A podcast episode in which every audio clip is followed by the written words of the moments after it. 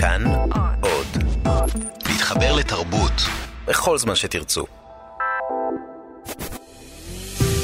70 שנה, 70 ספרים. סדרת הסכתים על הספרים האהובים והמשפיעים מאז קום המדינה.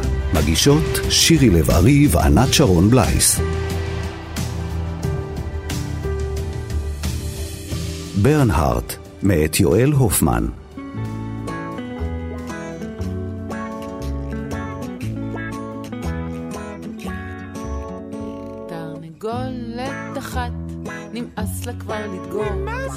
ביקשה את כל הביצים שלה למכור. ביצים, ביצים, מוכרת את הכל. רק היום בזיל הזול. זהו שיר מתוך הצגת הילדים יואל אמר, המבוססת על ספר הילדים שלו, בפברואר כדאי לקנות פילים.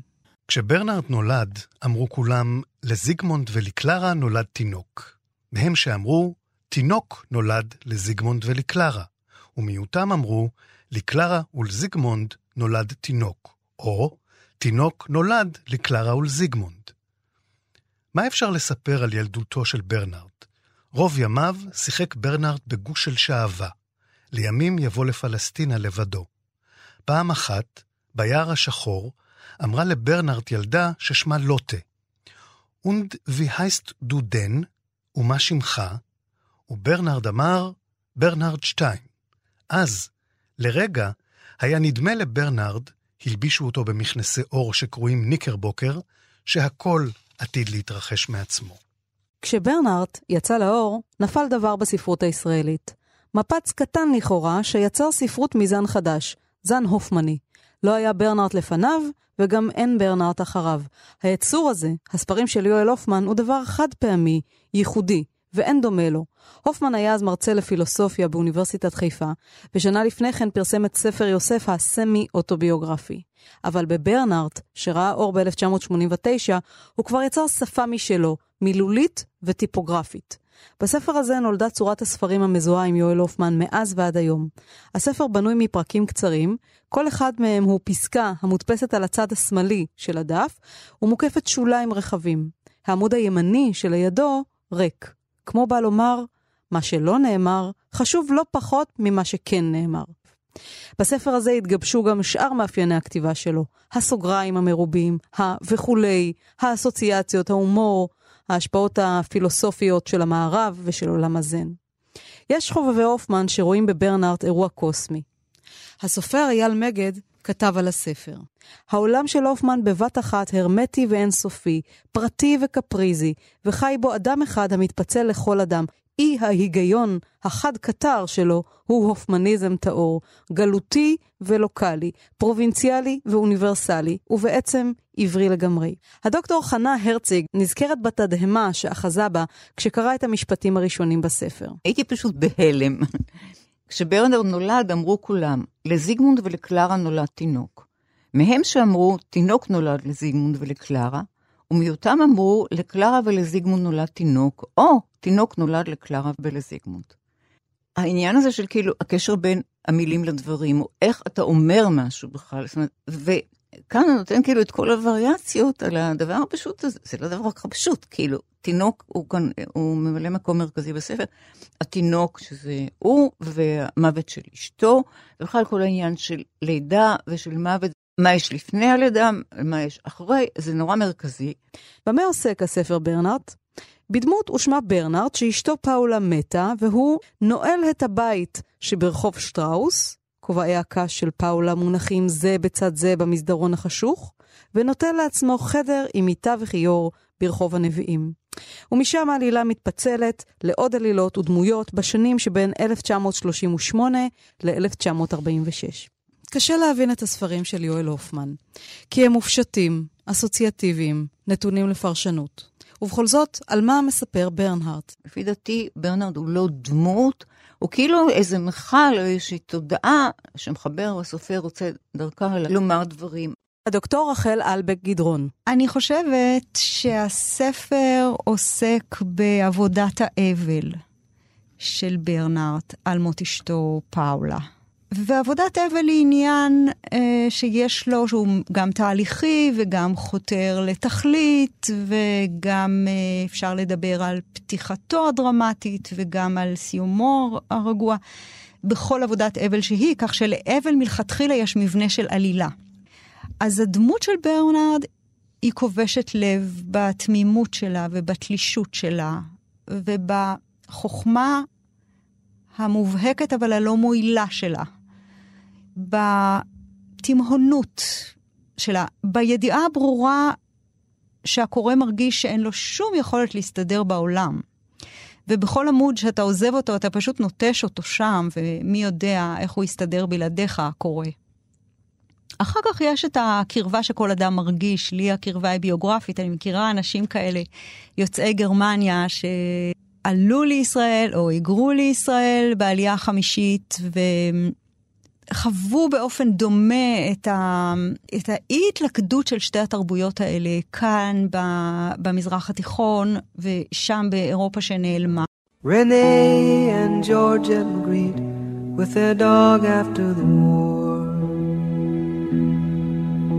Return to their hotel suite, and they unlock the door. Easily losing their evening clothes, they dance by the light of the moon. To the penguins, the moon glows, the Oreos, the five satins, the deep forbidden music they've been longing for. Renee and George Georgette Magritte with their dog after the war. הפרופסור יגאל שוורץ, אורחו הקבוע של יואל הופמן, מספר שכאשר קרא לראשונה בחייו שורה אחת מסיפור של הופמן, החליט שכל מה שהאיש הזה יכתוב, הוא יפרסם. החידוש הגדול של הספר הזה, שהוא חידוש אינסופי, אני חושב, כי אה, הרבה אנשים כותבים הופמן, או מחפשים הופמן, או חולמים הופמן, או אני לא יודע מה. זה שקודם כל ניתן רשות ל- לכתוב ספרות שהיא פיוטית פילוסופית. ולא ריאליזם אה, ולא דברים אחרים שהם על ידי הריאליזם אה, נטורליסטי, אה, ריאליזם סימבולי, כל מה שהיה לפני שהוא היה. זה לקח לי הרבה שנים להבין, וזה דבר מאוד מוזר. אני חושב שהספר הזה, שהוא באמת הספר של יואל הופמן, כאילו זה פוסט אפוקליפטיות. זאת אומרת, מבחינת הופמן, ואני אפילו יודע את זה כאילו גם מהדיאלוג מרובה השנים שלי איתו, אחרי השואה זה כבר לא... זהו. זאת אומרת, העולם נגמר בשואה, מבחינה אנושית הוא נגמר בשואה. מה שיש אחרי השואה זה כמו אחרי מפץ גדול כזה, יש כל מיני חלקיקים ש... שעפים באוויר, וזה נותן להם הרבה מאוד קסם, כי אין להם פרופורציות. הם כל אחד עומד כמו איזה מזר בודד כשלעצמו, ולכן הם, יש להם גם, גם איכות מיתולוגית. החסד שלו שיש בסיפורים בא מזה שהדברים עומדים לבד ומקבלים ממדים מיתולוגיים, כמו כל הדמויות שלו, על שפת הים וכמו פאולה וכולי, אבל הכל מתחיל במוות, והכל הוא פוסט מוות. זה מתחבר לגמרי עם זה שחוויית היסוד שלו זה היתמות והבתי יתומים.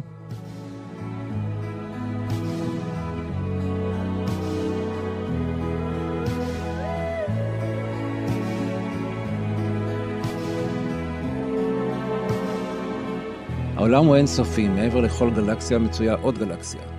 הוא ניסה לדמות לעצמו איך פאולה מתאחדת לאט לאט בשרה חיוור עם הסוד הגדול של היקום. אבל מותה של פאולה לא היה עניין פשוט כל כך. היכן, חשב ברנרד בליבו, מצויה פאולה עכשיו?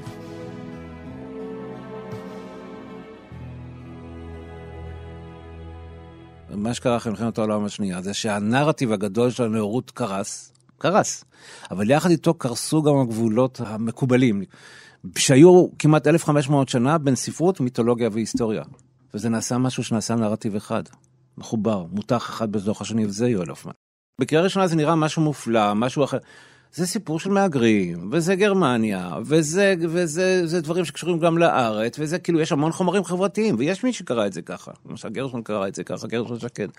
אבל זה, היופי של הדבר הזה הוא יופי של, אה, של מגריט. של סלע שעומד באוויר לבד. זה יורי הופמן. הוא מנסה להשתחרר מכוח המשיכה, לא כי הוא רוצה להשתחרר מכוח המשיכה, אלא באמת הוא כי הוא חושב שאחרי מלחמת העולם השנייה נהר אין יותר כוח משיכה. על אף אלמנותו ברנרד הוא מלאכת מחשבת. איש אינו יכול לעשות ברנרד. לפעמים אוחזת פליאה בברנרד עצמו. כיצד, שואל ברנרד את עצמו, הפכתי מפירור של חומר שגודלו כגרגר חרדל, והייתי למה שאני, יצור מורכב מאין כמוהו. פעם קרא ברנרד בספרו של דקארט שבגופו של האדם, באותו חלק שקרוי בלוטת האצטרובל, שוכנת נשמה, ועל כן נעלהו האדם לאין שיעור משאר היצורים, ועולה עליו רק האלוהים. והאלוהים אכן קיים, שכן האלוהים הרי הוא השלמות הגדולה ביותר, ומה ששלם בתכלית השלמות אינו חסר אפילו תכונה אחת מן התכונות המצויות בעולם. ואחת התכונות המצויות בעולם, הרי היא התכונה הקרויה קיום. זו התכונה המבדילה בין מה שקיים לבין מה שאינו קיים. למשל, בין תמונתו של תנור לבין תנור של ממש. ומכאן שאם האלוהים אינו קיים, הרי לא יוכל להיות שלם בתכלית השלמות, שכן השלם שלם יותר אם הוא קיים, מאשר אם אינו קיים. ומכאן שהשלם בתכלית השלמות אינו יכול להיות לא קיים, ומכאן כתב דקארט שהוא קיים. אלא שכאשר עקרו ברנרד ופאולה מן המושבה הגרמנית לרחוב שטראוס, הלך ספרו של דקארט לאיבוד. רנה and Georgette Magritte with their dog after the war were strolling down Christopher Street when they stopped in a men's store. יואל הופמן הוא סופר, משורר, חוקר ומתרגם תרבות ושירה יפנית. הוא נולד ב-1937 בעיר ברשוב שברומניה, למשפחה יהודית דוברת גרמנית שספגה תרבות אוסטרו-הונגרית. כשהיה בן שנה עלה לישראל עם משפחתו. זמן קצר אחרי העלייה התייתם מאימו, ואביו הפקיד אותו בבית יתומים. הוא נשאר שם עד שאביו התחתן בשנית. הופמן למד בתיכון חדש בתל אביב, ובצה"ל שירת בחיל הים. בגיל צעיר נסע ליפן, שם שהה שנתיים במנזר זן, ולמד ספרות והגות יפנית וסינית. הוא סיים תואר שני בפילוסופיה באוניברסיטת תל אביב, שב ליפן כדי לסיים את עבודת הדוקטורט שלו באוניברסיטת קיוטו, ובמשך שנים רבות לימד באוניברסיטת חיפה. יואל הופמן פרסם את סיפורו הראשון ב-1986 וזכה להתעניינות רבה. ב-1989 הוציא ספר פרוזה ראשון, ספר יוסף, ארבע נובלות שאחת מהן, קץ חן, בגרמנית חתלתול, עובדה לדרמה טלוויזיונית. הדוקטור רחל אלבק גדרון מגדירה את העולם המילולי שיוצר הופמן מולדת הופמנית, שבה מדברים את השפה ההופמנית. אני חושבת שהוא באמת עשה את המהפכה, כי שם השפה של הופמן קיבלה איזו התייצבות ראשונית, שאחר כך תלך ותעבור כמה שלבים, אבל בסופו של דבר רוב הסממנים כבר נמצאים בברנארט. השפה של הופמן היא קודם כל מין הלחם של כמה שפות פילוסופיות וספרותיות שלקוחות ממסורות שבדרך כלל לא נפגשו זו עם זו. ויצרו ביחד אה, איזה דבר חדש בעצם מיזוגן, שנראה אוקסימורוני, נראה בלתי אפשרי. וזה זרם התודעה של uh, המודרניזם העילי של סביב שנות ה-20, 1920, uh, באנגליה, מצד אחד. מצד שני, ספרות הקוואנים של זן, של הריינזאי זן. ומצד שלישי, ספרות של נונסנס ויקטוריאני, שהמלך שלה זה לואיס קרול. ומשהו ב... הזיווג של השלושה האלה ביחד יוצר קול לגמרי חדש. הריק נובע לדעתי מהמחשבת הזן ומחשבת המזרח והמושג שבאנגלית קוראים לו emptiness, וכל הספרות שעוסקת בנושא הזה. בעברית קראו לו עין או ריקות, אמ, שהוא מונח חשוב ומרכזי גם במחשבת הזן וגם באסתטיקת הזן, העבודות שלו הן באמת פרגמנטריות, ויש מסורת מערבית שהיא פרגמנטרית, אה, כמו הכתיבה של הפילוסופים במאה ה-17, כמו שפינוזה, לייבניץ, דקארט, גם ויטגנשטיין, שלגל למשל כתב את המחשבה שלו בצורה של פרגמנטים. זה גם מופיע כסוג של נושא בתוך העבודה שלו, תפיסת גוף מקוטע, אה, תפיסת אני מקוטע ומבוזר. איזושהי השקפת עולם שאפשר לוותר אותה, בקלות, ולא בכך לכנס אותה מחדש לאיזשהו מימד מונוליטי אחד. באפריל, רומל כובש את בנגזי. האנגלים מחזיקים בטוברוק. הגרמנים משתלטים על יוגוסלביה. האנגלים משחררים את חבש, ברנרד חושב שהמיילדות תקבורנה. ובשבעה במאי חוזר היילה סלאסי לאדיס אבבה. המוני אתיופים עומדים בצידי הדרך ומריעים לקיסר. אבל כשמכונית השרד עוצרת ליד הארמון, הקיסר אינו מצליח לפתוח את הדלת, ועוזריו נאלצים להוציא אותו דרך החלון. בעשרה במאי צונח רודולף הס באחוזתו של הדוכס המילטון בסקוטלנד. באתי, הוא אומר, להציל את האנושות. טוב ויפה, אומר הדוכס, אבל אינני מבין למה צריך להשחית לשם כך שיח שושני.